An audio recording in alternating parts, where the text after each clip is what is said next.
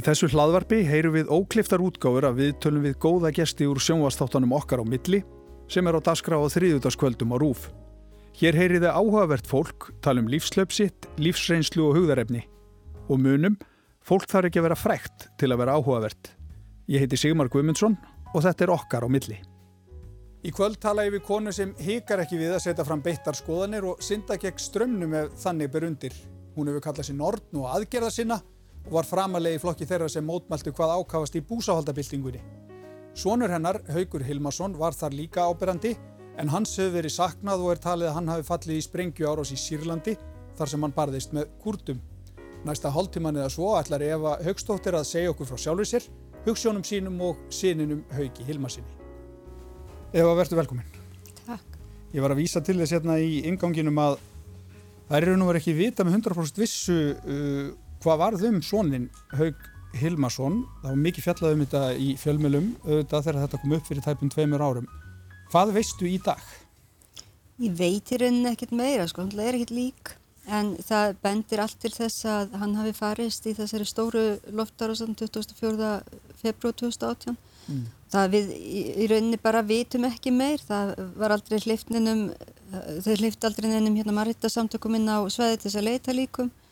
Eiga sjálfur að, að hérna hýrða þeim lík, þess að árásaræðilinn, Tyrkir, mm. en gerði það ekki. Og svo náttúrulega kemur kórunverjan og þessi heimsfaraldur ofan í það allt saman þannig að það er bara er bara ekki vita betur heldur en hann hafi farist en það er ekki 100% vissa og þetta er bara reynsla sem að mjög margir íslendikar hafa, það er svo margir sem hafa verið í sjóin, mm. það er svo margir sem hafa týnst á hálendinu þannig að hérna mér finnst ég ekkert vera neitt ein með þessa reynslu að, mm. að það einhvern veginn er ekkert lík mm. en hún er, hún er flókin, hún gerir þetta svona alltaf erfiðir á öðruvís að komast í gegnum þetta Já, ma maður myndi ímynda sér alveg að það væri svona alltaf einhvern veginn í, í kollunum að það, hann kannski geti verið á lífi. Það er alltaf, já, já, það er alltaf svona af og til að þá hellist alltaf við mig, það er möguleiki.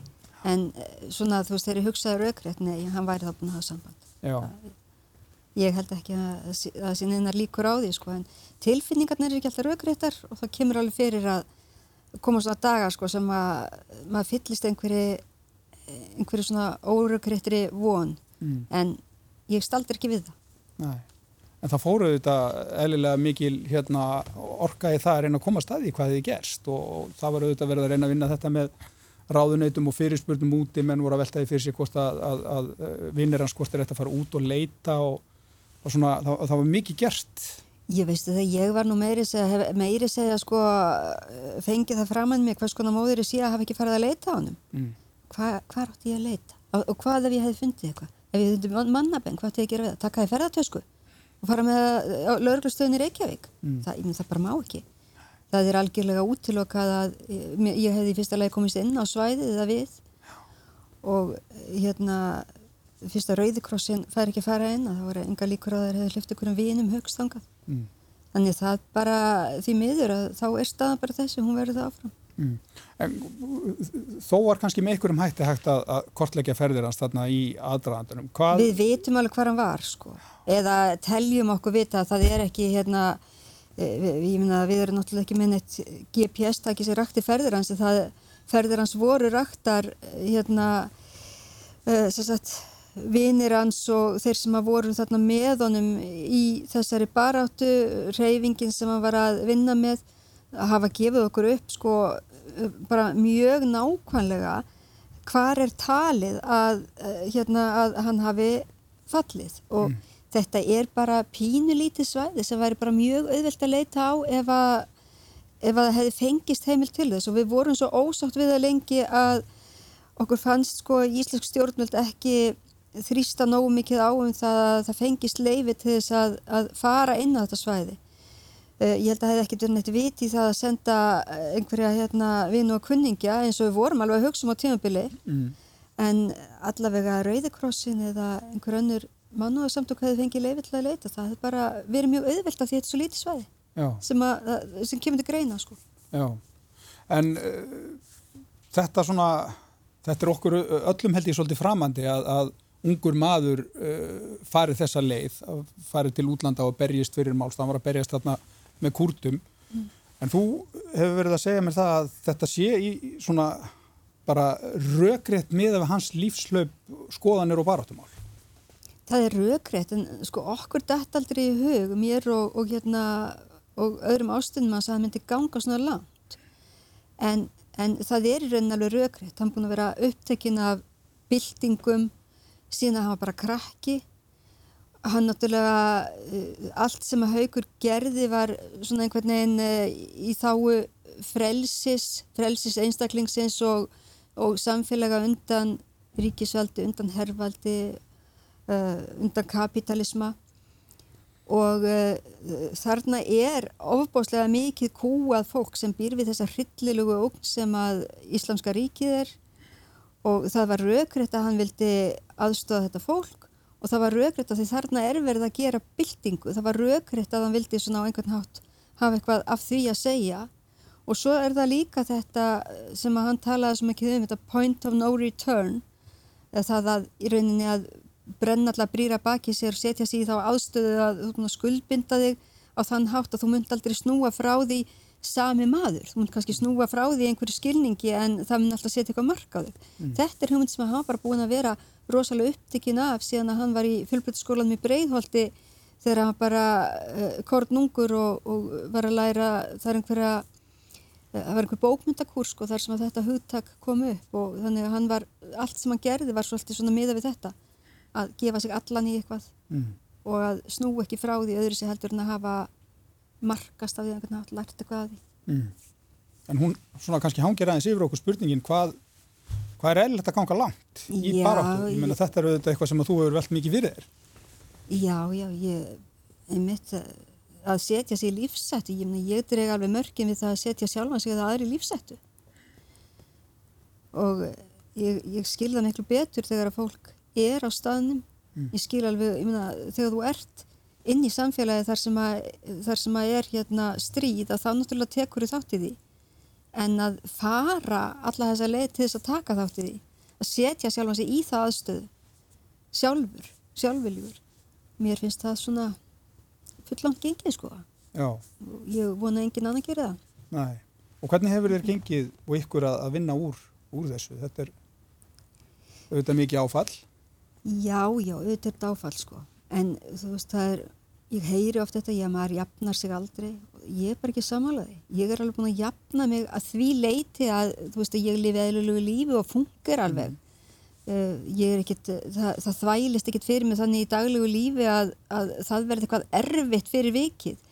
En, en auðvitað er, er þarna eitthvað sár sem að það verður eitthvað ör eftir sem að, að hérna maður jafna sig aldrei af því þannig skilninga lífi verður ekki eins aftur mm en ég minna maður næri áttum og heldur bara áfram að, að hérna, læra að lifa og vinna og gera það sem maður þarf að gera mm.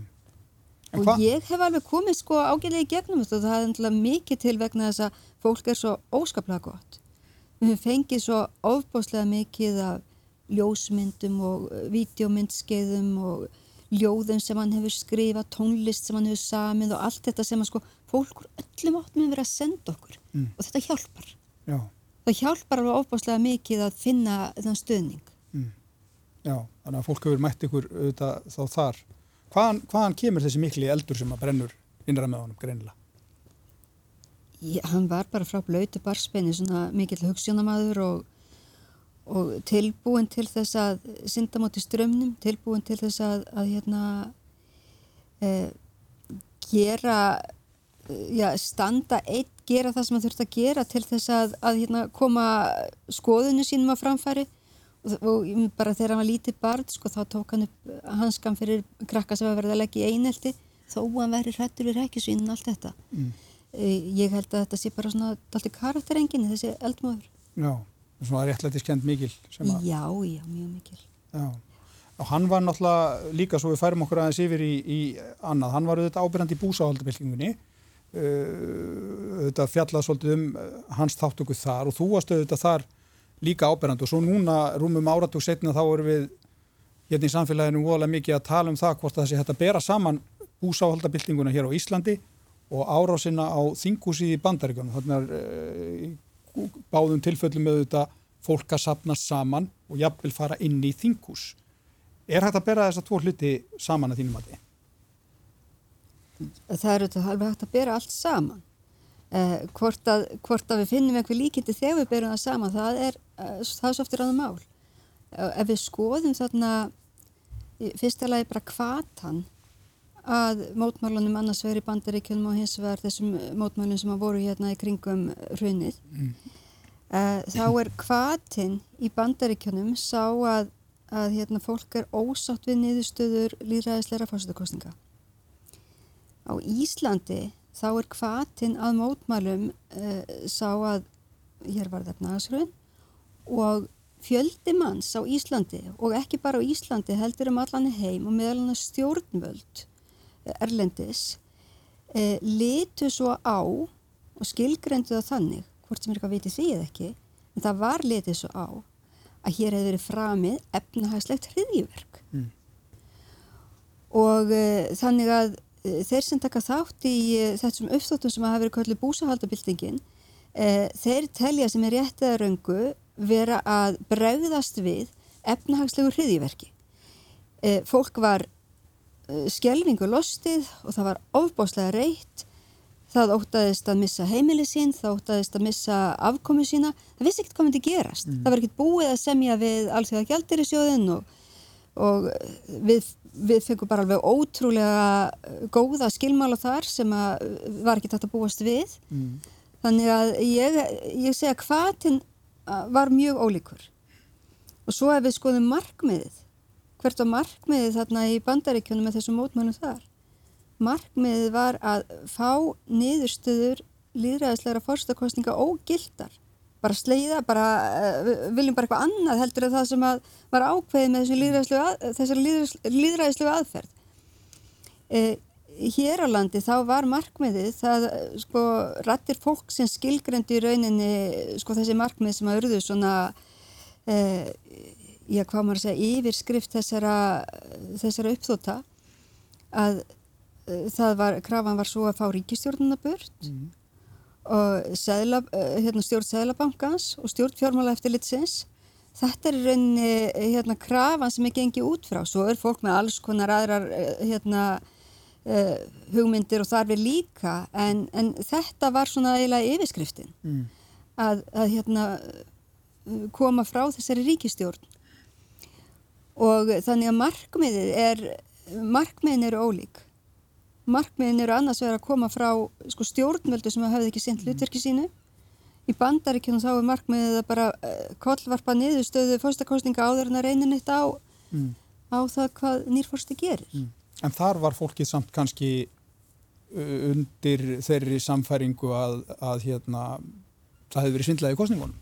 Já, já, en það hefði ekkert fyrir sér í því. Það talið sig vera sko með réttlæti sín meginn. Já, já, það hefði ekkert fyrir sér í því. Það sem að, það sem að Við höfðum fyrir okkur, við öll sem að tókum þátt í þessum mótmælum á Íslandi, það sem við höfðum fyrir okkur var bara hreinlega það að uh, fórsættisir á þeirra sagði Guð blessi Ísland, bara veit ekki hvað ég á að gera mm.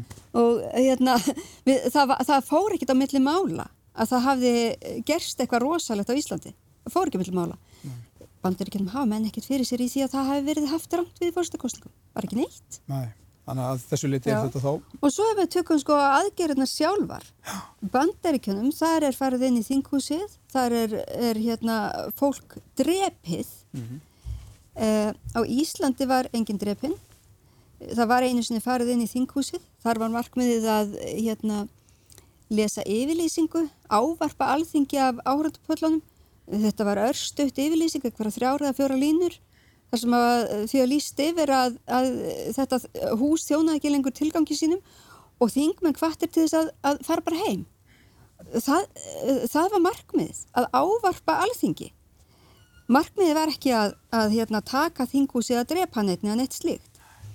Og svo náttúrulega er ráðist á þinghúsi með eggjakasti og, og það eru lætið þarna í vikun saman eh, niður á Östurvelli uh, og sumir hafa nú haldið því fram að sko ef fólk hefði komist inn að þá hefði það hreinlega tekið húsið og hefði, þetta hefði bara orðið þessu bandaríkjónum. Mm.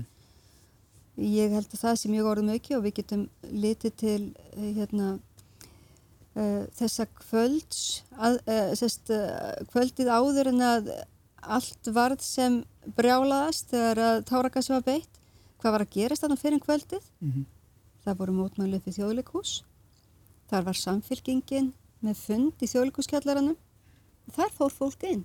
Mm.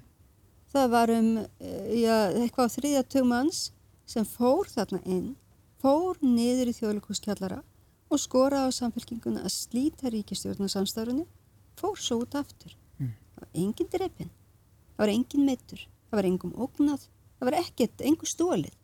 Var ekkert skemmt, ekki einn servietta, mm. ekkert. Fólk fór inn og út aftur. Og ef, ef það hefði verið einhver áhugi á því að, að hérna, með einhvern eða, eða ræna völdum eða eitthvað slíkt, haldið að fólk hefði ekki komist inn í alþengisúsið haldið að hefði verið eitthvað vandamál þarna í þjóðlíkuskjallarinn að ringja bara í þá sem að voru á leiðinni uh, hérna frá austurvelli og bara komiði bara allir inn. Það hefði ekkert verið neitt vandamál. Það var bara engin áhugi fyrir því. Á, áhugin hjá þeim sem tóku þátt í búsavaldabildingunni voru að koma ákveðinu skilabóðum áleiðis og þetta losna við þessa ríkistjórn sem vildu ganga lengra, anarkistar svo enga ríkistjórn en ég get ekki séð að það séu mikið líkindi millir mótmæluna í bandaríkjónum og þessar uppþóta. Já, en núna erum við hérna all nokkru síðar, mm. ríkistjórnin fór frá og selabankastjórnin fóru frá og það hefur verið gera breytingar í selabanka og fjármála eftirliti. Það er ekki komið ný stjórnaskráan svo var nú krafa upp úr hrun og annað. Finnst þið mikið hafa breyst? Nei, mér finnst ekki mikið hafa breyst, þið miður. Nei. Og kannski hefði bara þurft að ganga lengra.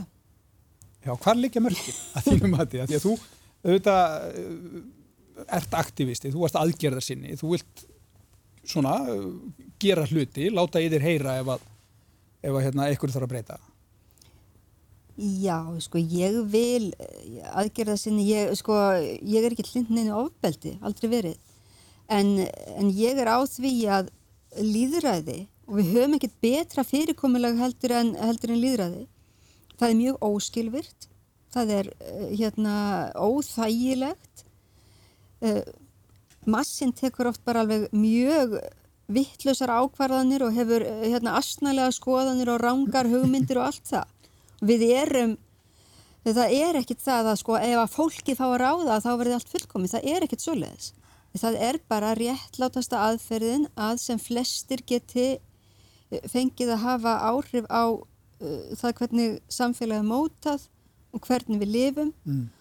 og ég vildi sjá meira þáttökulýðraði ég það er náttúrulega bara skandall að það skul ekki vera búið að uppfara stjórnaskrána fyrir lungu bara ég skil ekki hvaða er sem tefur fólk í því og hef ekki séð negin rauk fyrir því að þetta ekki vera búið að það fyrir lungu og þó að verði aldrei allir sáttir við, við þá stjórnaskrá sem að verður á endan tekin upp, það verður aldrei þannig að allir verður sáttir að þá hérna held ég að hafi náð svona alveg sæmil að við tek sáttum þau markmið sem er gert ráð fyrir í þessu frumvarfi stjórnlaður á sem að mm -hmm. er ennþá bara einhvern veginn í lausur ofti. Já, já, og við veitum ekkert svo sem hvernig það fer, en þú, þú heldur út í bloggsíðu nord.is og þar ertu búin að skrifa um samfélagsmál mjög víða og þú ert að flokka þetta svolítið niður í nokkra flokka trú og hugmyndafræði, kyn og klám, vald og velferð og þar er einn undirflokkurinn síðan andof og yfirvald. Eh, þú eru þetta skoðanir á miklu fleiri heldur en þessu en ákveru, ákveru stillur þessu svona upp? Hva, hvað er það sem að dregur því að, því að skrifa um þessa hluti? Ég hef ennlega haft vald, áhuga á valdatengslum og valdakerfum bara síðan ég var mjög ung og hérna, já, vald og velferð, það bara sáflokkur snýst bara svona daltið um það, um pólitík og um hérna uh, svona samfélagsmál, heilbriðismál og húsnæðismál og allt þetta, bara undirstaða samfélagsins er, er hérna það hvernig, uh, hvernig völdum er útlutt og hvernig að fara með þau. Mm. Öll velferð byggir á því. Hverjir, hverjir það eru sem eru við völd og hvernig það fara með sín völd og hversu mikla valdheimildið þeir hafa. Mér finnst það áhugavert. Kyn og klámi, ég hef náttúrulega verið hérna, upptekinn af sko feminisma og kannski sérstaklega því hvernig mér finnst hann hafa vilst af leið í mörg ár. 2011 og þá hérna svona fór ég að skrifa mjög aktíft gegn feminismu og þessi flokkur kyn og klám er svona dálitið litaður af því ég er að skrifa þar um bæði um valdatest kynjana en líka um það hvernig mér finnst uh, feministar hafa farið svona í allt villusir áttir. Mm. Svo er þarna flokkur sem heitir lög og réttur. Ég náttúrulega er, mér finnst lög, lögfræði óbúslega áhugaverð. Bæði þetta sagt, uh, uh, þessi fræði um það hver er réttur okkar á skilda, bæði einstaklinga og félaga og hvernig ágrinningsmál eru leist þegar að fólk leysir það ekki sína mill, þegar mm. það er ríkisvaldi sem kemur að þeir leysa þau, stjórnvöldið eða dómstólar mér finnst þetta allt saman afskaplega áhugavert þannig að ég hef líka verið að skrifa svolítið um, um lög Já, en þegar hún nefnir hérna feminismann eh, mm. uh, að því að við þekkjum þau þetta svolítið eh, úr þínum skrifum eins og þú ert að lýsa. Þú skrifar um feminism og þér finnst svo umræða að vera svolítið skrítin, öllsumul, en feminismi er í grunninn bara eitthvað svona ákallum jafnrétti kynjana hvar, hvar hefur hann vilst af leið, svo segir okkur þannig bara? Já, hann sko það er alveg þörf fyrir hvernfræsisreifingar var sannlega þörf fyrir hvernriðnind og hvernfræsisreifinga á Íslandi og er víða um heim mjög mikil þörf fyrir slíka reifingar mm. en uh, það sem hefur gerst á Vesturlöndum er það að feminismin fann að snúast rosalega mikið upp í sko einhvers konar trúarlega krettur þetta er bara nánast eins og, eins og hérna sértrúasöfnuður þar sem að fólk er búið að finna sinn djöful sem er feðraveldið. Og uh, það, er, það er einhvern veginn hægt að eh, finna, það er alltaf hægt að raukst í að það sé verið að kúa konur. Alveg sama hvað það er og alveg sama hvað margt bendir í aðra átt. Að það er einhvern veginn svo markmiðið sé að sanna það að sé alltaf verið að kúa konur. Og uh, mér finnst mér finnst þetta að koma fram á rosalega mörgum sviðin, hvernig er talað um vinnumarkaðin, hvernig er talað um uh, stöðu hvenna í hérna í, til dæmis bara í skólum ég menn það er svo greinilegt að staða drengja í skólum er orðin hérna og, og ungra pilda í skólum er orðin svona meira áhugjefni heldur en heldur en staða stúlna mm.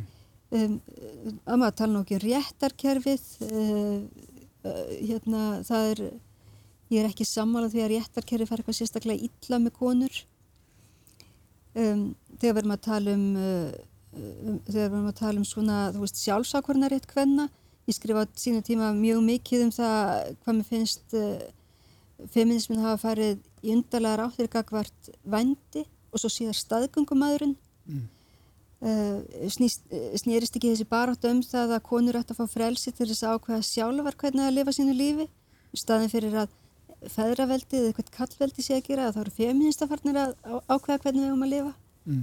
En það er, ég geti tala hérna í vikum um, um það hvað ég hef út á feminismu að setja Já, og fyrir hérna hún verður oft svolítið hatrum umræðan um þessa hluti hver er skýringin á því?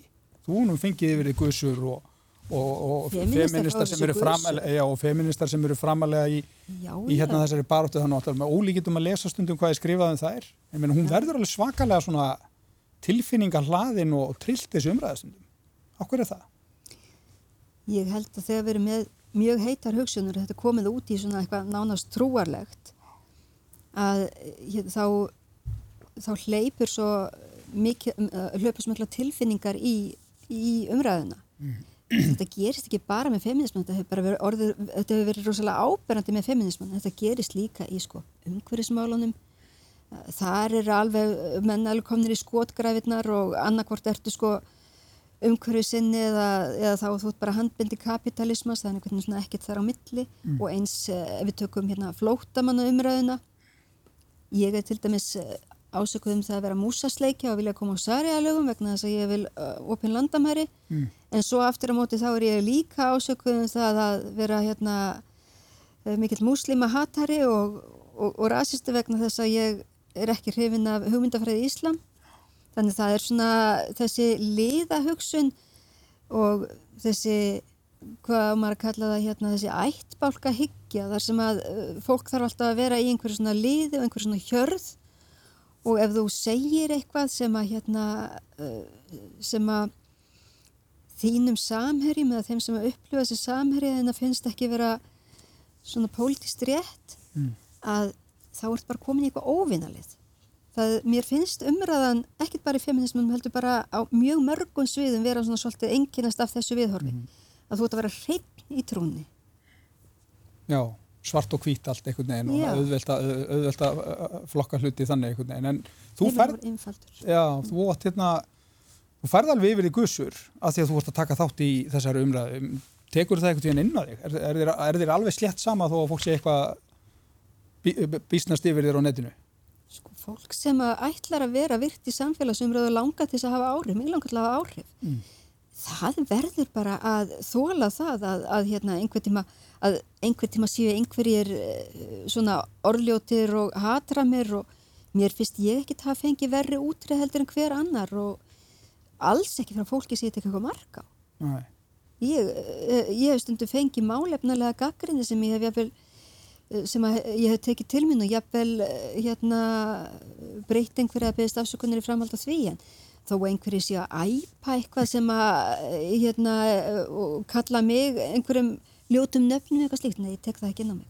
Ég, það getur ekki verið svona virkur í samfélagsöður sem að raunverulega tekur það inn á sig. Mm. Það bara, þá væri maður bara alltaf heima grátandi. Já. Ég, Nei, nei, ég tek það ekki nærmur Nei, og ert ekki að þvælist í kommentarkjörunum það er ofta ákveðt að láta þau bara eiga sig. Jú, jú, ég þvælist alveg þar en það er bara ef þú ætlar að vera á þingi þá þarftu að þóla það að fólk reyti þig, ef þú ætlar að vera virkur í uh, samfélagsumræðu aktivismu eða hvað það er, þá þarftu að þóla það líka. Já. ef þú ætlar að vera leikari þá þarftu að þóla það sem hort á þig. Mm. þetta er bara partur af því, þetta er bara hluti af því hlutverki sem ég sett sjálfa mig Já. Þú, þú, já, þú nefnir þetta, þú vilt hafa áhrif og þú auðvitað eftir að reyna að hafa áhrif með skrifin þínum og, og hérna, þáttöku í alls konar atbyrðum og, og, og slíku búsáhaldabildingun og allt þetta. En þú líka svolítið talað um, og margir aðri reyndar, svona að einhvers konar pólitísk réttöksun sé farin að stýra allt og mikið í miklu í samfélaginu. Hva, hva, hvað er á bakvið það heldur? Þetta er stór spurning. Já. Já, það er akkurat þetta, þegar, þú, þegar, þegar að hérna, hugssjónið er, er orðnar sko nánast eins og trúabröð mm.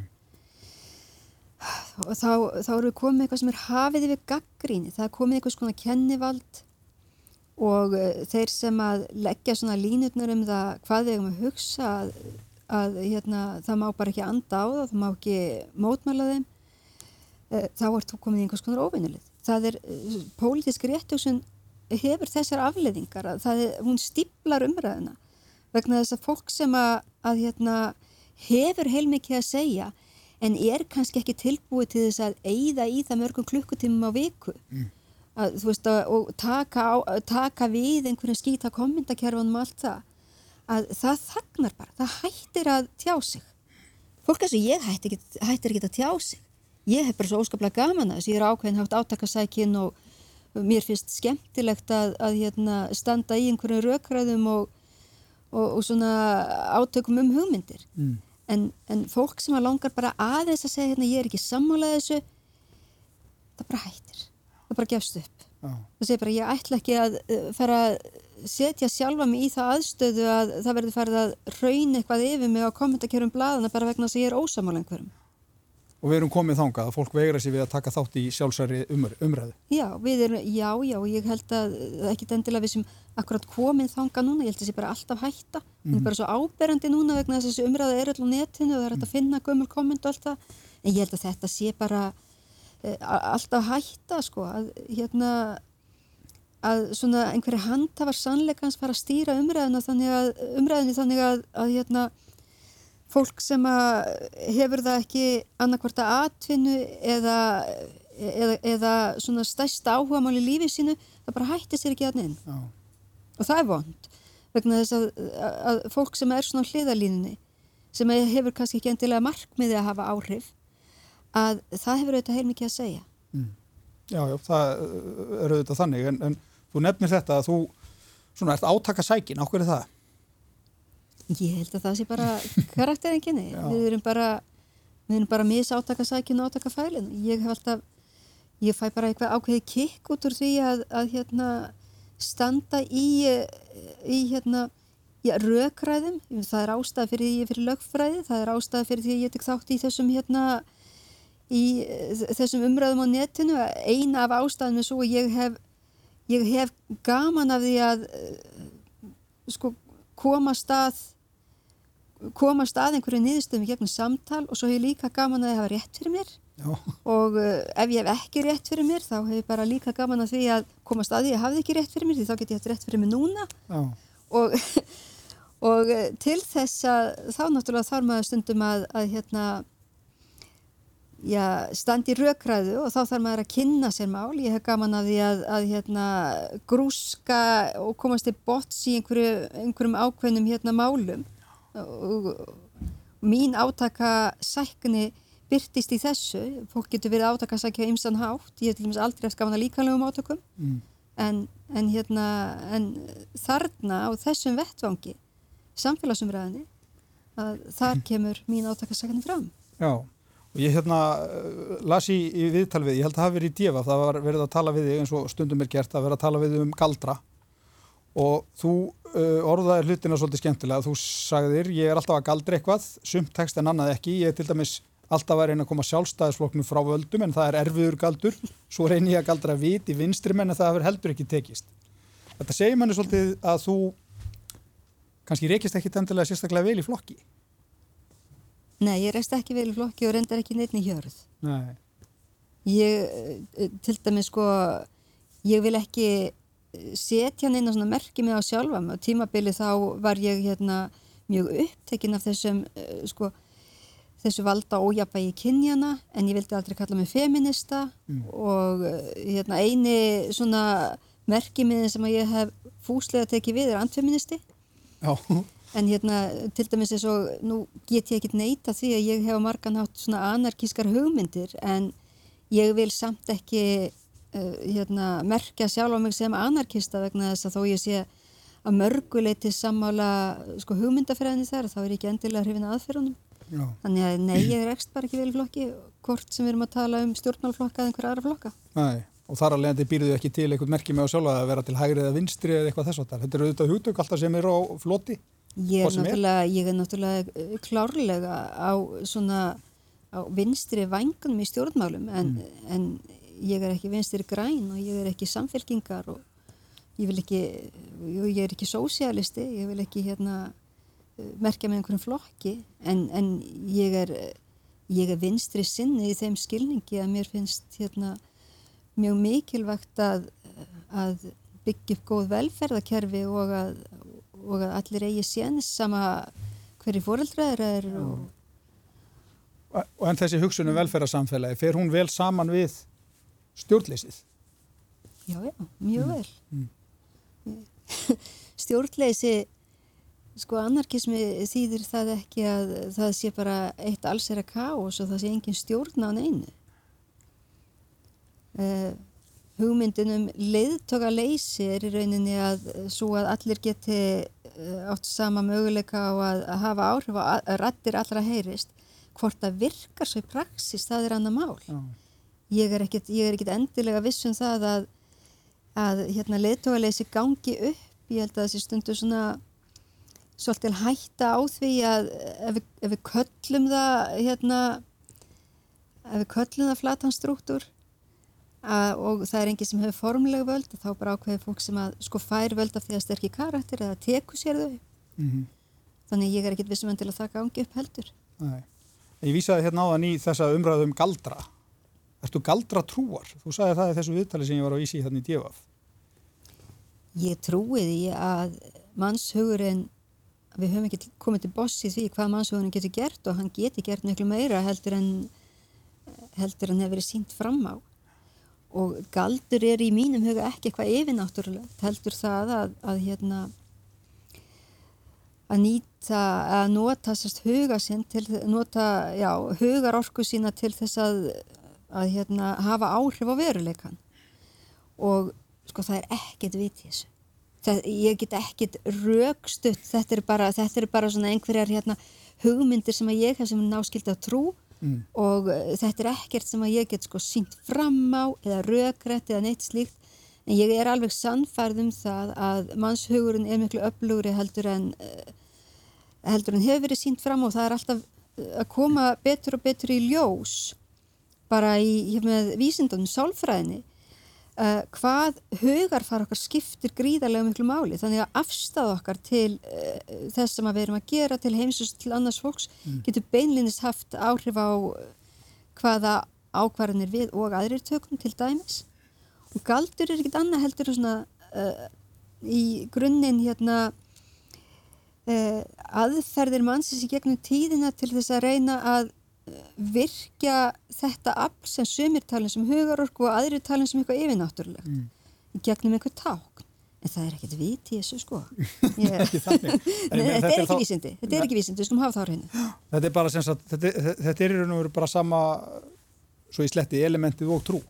Þetta er samskonar element og trú, já, já. kannski aðeins öðru sér því leiti að, að hérna að uh, ég allavega, svo ég líti á það þá uh, hérna, trú ég ekki á það yfirnáttur, ég held að séu raunverulega einhverja svona vísindarlega skýringar á því sem gerist þegar við höfum áhrifaveruleikan en við erum ekki búin að finna þær allar mm. og bara öll vísindi byrja í einhverju sem er kallað kukl eða galdur, mm. byrjar allt þar byrjar allt í því að fólk er að þreyfa sig áfram í myrkurinn, það veit ekki alveg hvað það er að gera Já.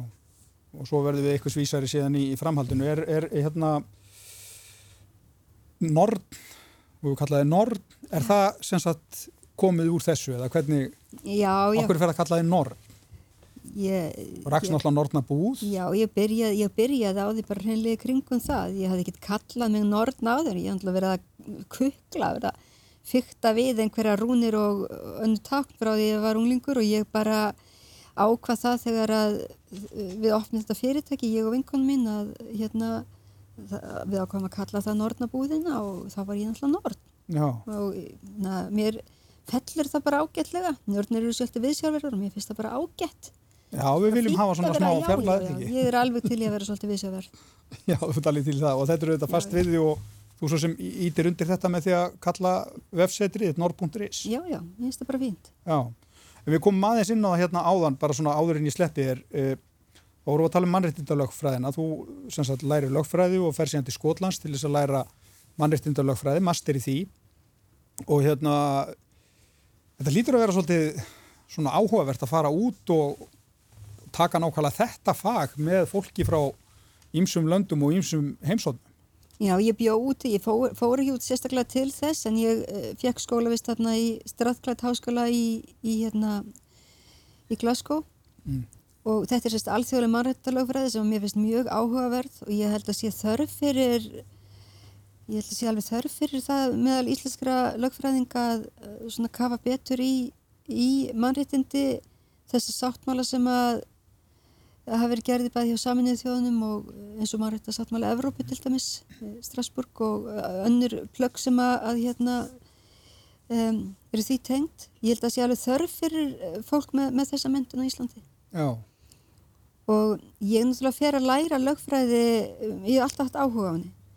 En, en svona aðal hvað til minna því að læra lögfræði sá mig langar til þess að hjálpa fólki sem að þarf að sækja réttsinga hennu ofinbera gagvart uh, ríkinu og, og sveitafélögum og eins tryggingafélagunum og svona kapitalista fyrirtækjum þannig að það er svona hugmyndin svolítið þessi að mér langar til þess að uh, hjálpa svona þeim sem að eru að berjast við eitthvað rosalega stort og mikið vald sem að, að hérna, allir hafa ekki aðgangað. Já.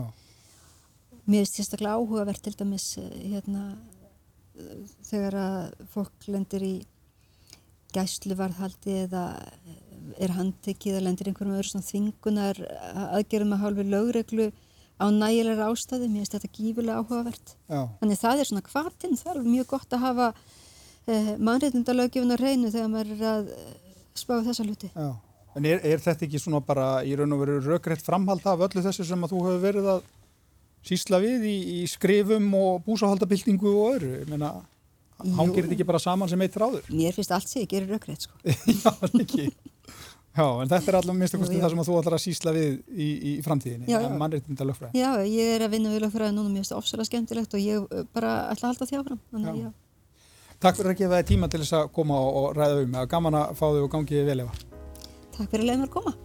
Þetta var hlaðvarpið okkar á milli, óklift útgafa af sjónvastáttunum sem er í loftinu á rúf á þrýðutaskvöldum og eftir kastljósu og menningu. Ég heiti Sigmar Guimundsson. Takk fyrir að hlusta.